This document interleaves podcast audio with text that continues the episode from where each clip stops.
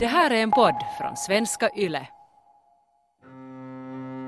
Dagbok September 1999 Lugnet är en lögn.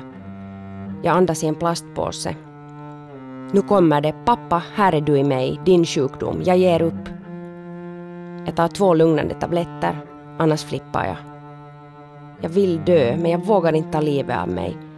Inte ens det klarar jag av. Det här är kalopsen när min pappa kollapsade. En svenska Yle-podcast i tre delar. Jag heter Eva Kela. Avsnitt två. Jag och ångesten.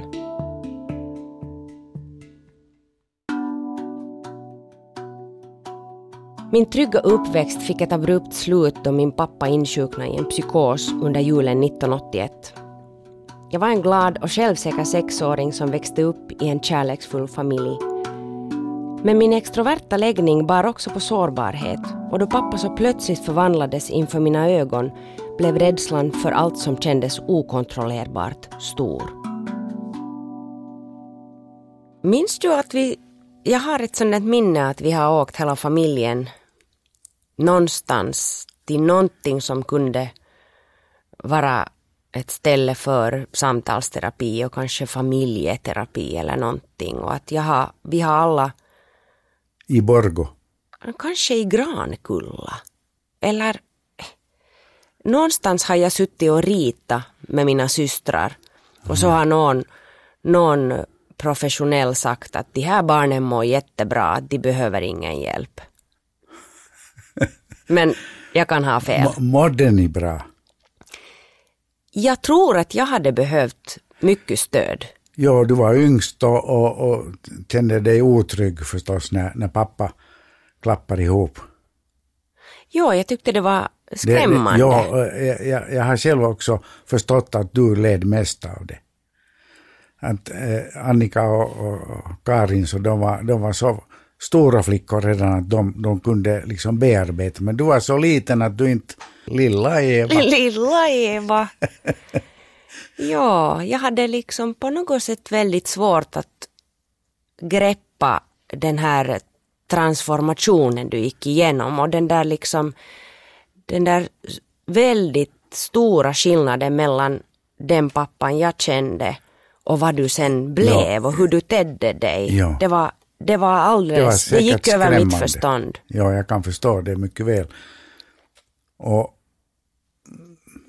jag beklagar. Att det var så. Nej, Nej du behöver inte. inte be om förlåtelse. Nej, men, men, men äh, situationen var den att, att en, en, en psykotisk människa är inte samma som en normal människa. Det, det, Nej. det, det är, ju, det är ju en klar sak. Januari 1982. Eva, 6 år. Jag är rädd för jättemånga saker. Havsbotten och rymden som aldrig tar slut gör mig het av skräck och värmen i bastun, den ger kalla kårar. Mat och konstiga smaker låser halsen på mig. Jag darrar och gråter om jag måste spy och oftast får jag diarré istället. Alla andra gör kullerbyttor utom jag. Jag klarar inte av yrseln och är rädd för att aldrig finna balansen igen. Jag vågar aldrig uppträda ensam med cellon. Jag får panik. Men mest skrämde jag för den osynliga overallen av fruktan för det ofattbara. Sinnessjukan.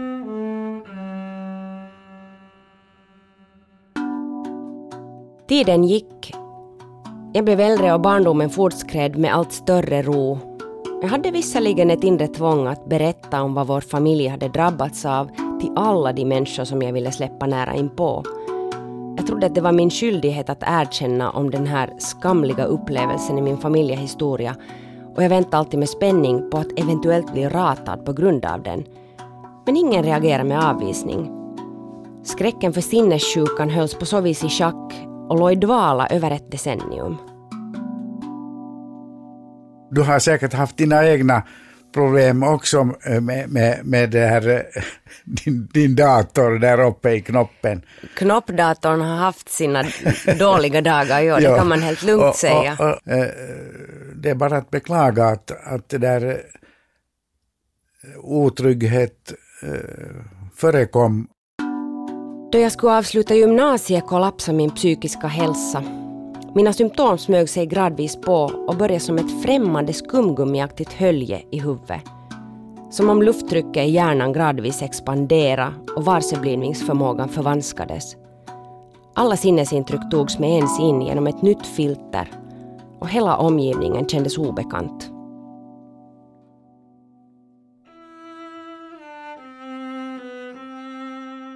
Dagbok November 1994 Herregud vad jag mår skit. Ångesten bara växer och växer. Jag har neuros. Vi hade psyka i skolan idag och jag fattar att jag lider av en psykisk störning. Neuros. Jag måste söka hjälp. Jag ville verkligen må bra och sökte genast proffshjälp då jag insåg att ångesten var större än vad jag klarade av. Skolkuratorn skickade mig till mentalvårdsbyrån där en psykolog tog emot mig. Grundliga undersökningar utfördes också hos läkaren för att utesluta fysiska åkommor och jag kunde konstateras frisk som en nötkärna. Men gud vad skönt! Det är bara psykiskt, utbrast närstående lättade. Och jag tänkte att, nåväl, den här ångesten var ett oundvikligt ont som jag var tvungen att så snabbt som möjligt bocka av ur agendan så jag kunde fortsätta mitt liv. Vad jag inte visste då var att jag skulle vara tvungen att i åratal leva parallellt som ett otryggt barn och en vuxen kvinna i en och samma kropp. Ett osynligt nätverk av outgrundlig oro vävdes kring mitt jag. Hur skulle jag kunna fly från den här skräckfilmsliknande overkligheten?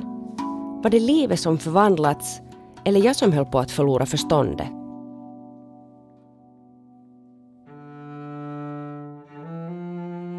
Dagbok November 1996 Ångesten är värre än någonsin. Håller på att vittra sönder, grät nästan oavbrutet i tre timmar, ringde runt till vänner, dog. Jag har inte ens vågat skriva dagbok för jag är livrädd för mina tankar. Jag tänker hela tiden på självmord. Det känns som att jag drivs till att ta mitt liv. De här orden ger mig panik. Om några dagar ska jag gå till en psykiater.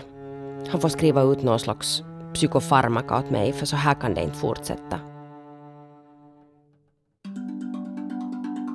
Eva Nummelin kom till min mottagning första gången i december 1996. Hon gav uttryck åt en depressiv ångest med plågsamma tvångstankar. Åbo den 18 februari 1997. BL, PSL, psykoterapeut. Patienterna lider av svår ångest. De depressiva symptomen tilltog då hon påbörjade sin utbildning vid Åbo Akademi 1996 och blev snabbt ett hinder för hennes studier. Diagnoser. F34.1 Dystemi. F41.1 Generaliserat ångestsyndrom. IL i Åbo 2 i 9 1998 Docent i psykodynamisk psykoterapi, psykoanalytiker. Ledande psykiater vid Studenthälsan i Åbo. Hur märkte du att jag inte mådde bra? Jag måste säga att jag inte märkte det. Och det, var, det, det har jag också undrat att, att inte, inte inte märkte jag att, att du hade, att du, du har berättat sen dina problem men att eh, inte märkte jag något speciellt med det. Inte. Det syntes inte på mig. Nej, nej. Precis men, som det inte syntes på mig heller för jag föll ihop. Det är Jämst ju det. mycket. Det är ju det att ofta så, så försiggår saker inombords utan att det syns. Det Ja. känns mycket värre än vad Ja. det ser ut.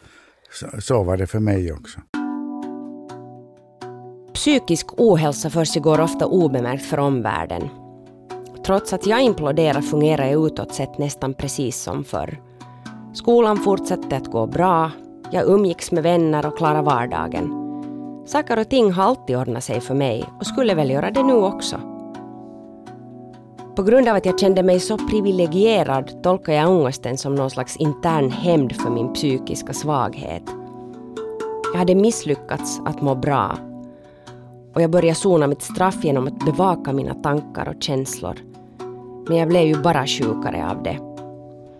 Jag hade lärt mig hemifrån att jag alltid skulle älska mig själv men det här var inget jag förmådde älska.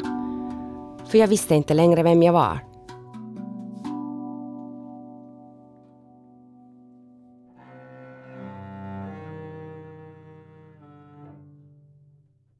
Dagbok december 1995.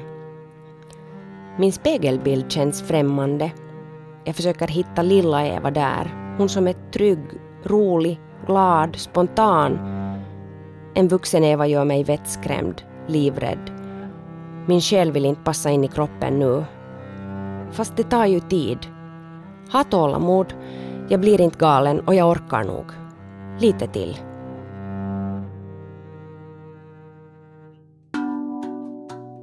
Lite till växte till ett litet hopp om att bli ångestfri. Jag trappade ner på medicineringen och vågade mig på en södernresa. Min avsikt var att vistas en vecka med vänner i södra Spanien och därifrån åka ensam vidare för att efter många års avbrott äntligen få återse min kära värdfamilj från utbytesåret i Neapel, Italien. Resan var dessvärre en alltför emotionellt krävande insats för mig.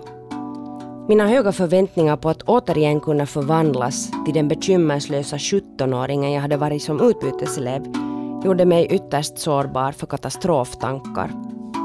Ångesten tog mig i besittning så fort planen lyfte från Helsingfors Vanda flygplats och den här gången slog den till med helt nya vapen. Nu äntrar också agorafobin scenen. Det här blev min sista längre utlandsresa på tio år. Förutom att jag återgick till medicineringen ökade jag också antalet timmar psykoterapi i veckan. ACS, psykoanalytisk psykoterapeut. Efter att ha slutat medicineringen, som Eva trappat av mycket försiktigt, skulle hon senaste september resa till Italien. Detta blev en fullständig katastrof. Hon kom aldrig så långt som till Italien från Spanien kom hon hem med stark panikångest och hon påbörjade sin medicinering med Cipramil på nytt. Hela hösten 1999 var hon i dåligt skick, oförmögen att studera och att fullfölja det arbete på FST som hon påbörjat på våren. Eva känner sig fortfarande endast trygg i sin närmiljö och hon klarar inte av att vara på okända ställen Utåt sett presenterar hon sig som en glad och pigg ung dam med starkt självförtroende. Men bakom denna sida finns en förlamande ångest som kan vara mycket mörk. Dagbok September 1999 Lugnet är en lögn. Jag andas i en plastpåse. Nu kommer det. Pappa, här är du i mig, din sjukdom. Jag ger upp. Jag tar två lugnande tabletter, annars flippar jag. Jag vill dö, men jag vågar inte ta livet av mig. Inte ens det klarar jag av. Dagbok april 1999. Min strävan är fortfarande bakåt, till det förflutna, det trygga. Vägen upp, framåt, är svår.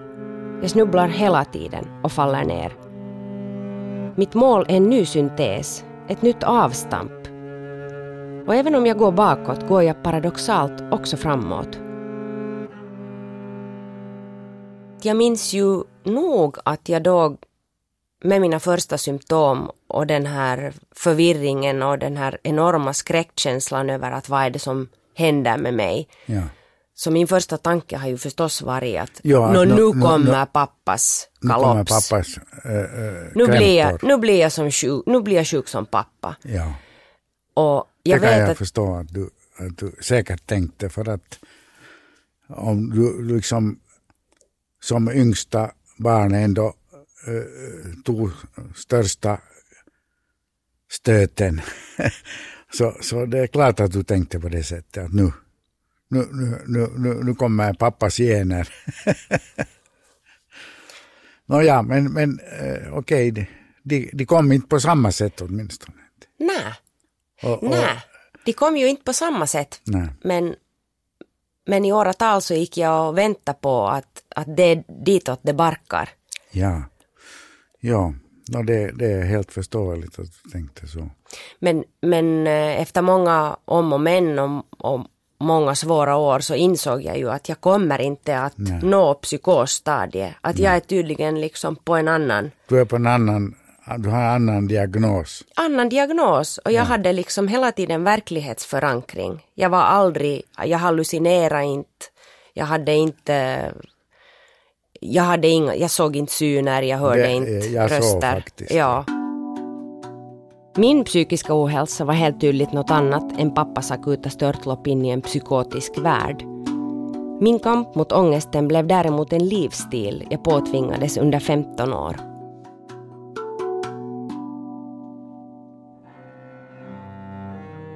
Dagbok September 1999 Pappa kommer till mig om en stund.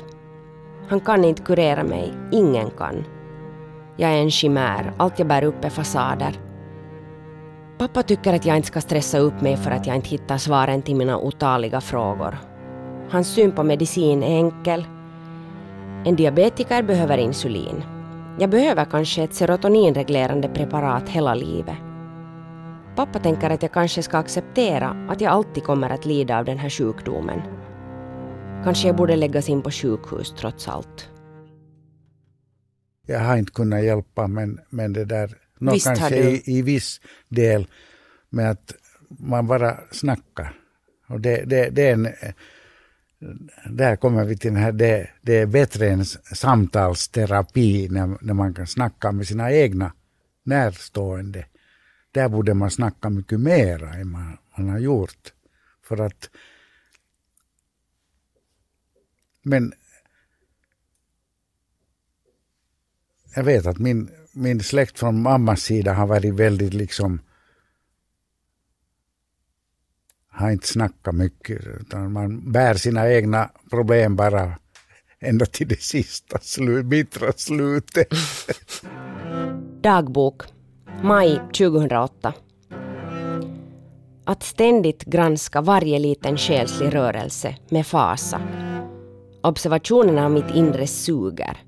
Som en babys glupska munhåla om nappen håller jag mig själv i schack genom att klämma åt strömmen av liv.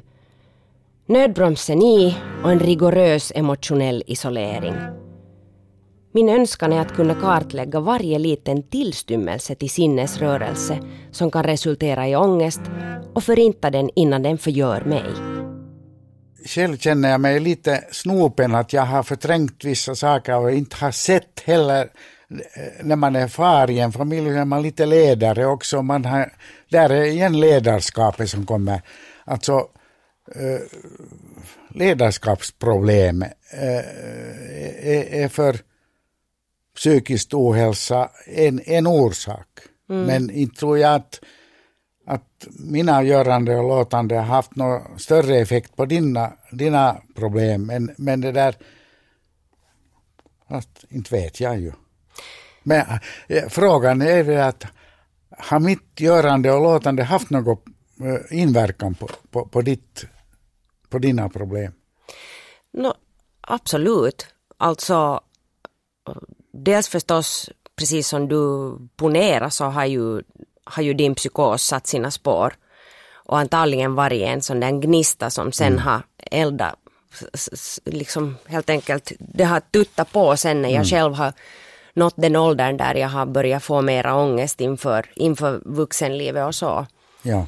Men, men det som du ju definitivt, alltså din närvaro i min, mitt liv har ju varit jätteavgörande för mig. Att det som du nu inte kommer ihåg är ju för mig den där känslan av att jag alltid har vetat att du ställer upp i vått och torrt. Och oavsett hur och när och var jag kontaktar dig för att få hjälp eller för att få någon att prata med så har jag alltid vetat att du finns och att du kommer. Och bara den vetskapen i sig har ju antagligen gjort att jag kommer, jag kommer ihåg dig som en stödperson under hela den här perioden då jag har mått dåligt för att du har hört till mina de här förtroendepersonerna, de som jag har vänt mig till. Och de var inte många som jag verkligen kände att oavsett hur jag är så kommer han eller hon ta emot mig med öppna armar. Och du var ju en av de få som jag alltid vände mig till och det kan ju faktiskt hända att jag inte de facto har hemskt mycket gått in på exakta symptom och tankar utan jag har bara sökt mig till din närhet. Jag har bara sökt mig till att få vara med dig och göra vanliga saker som att jag minns att vi har åkt vi har åkt på bilturer, vi har gått på promenader, vi har åkt till Hannaböle, vi, du har kommit hem till mig och äta.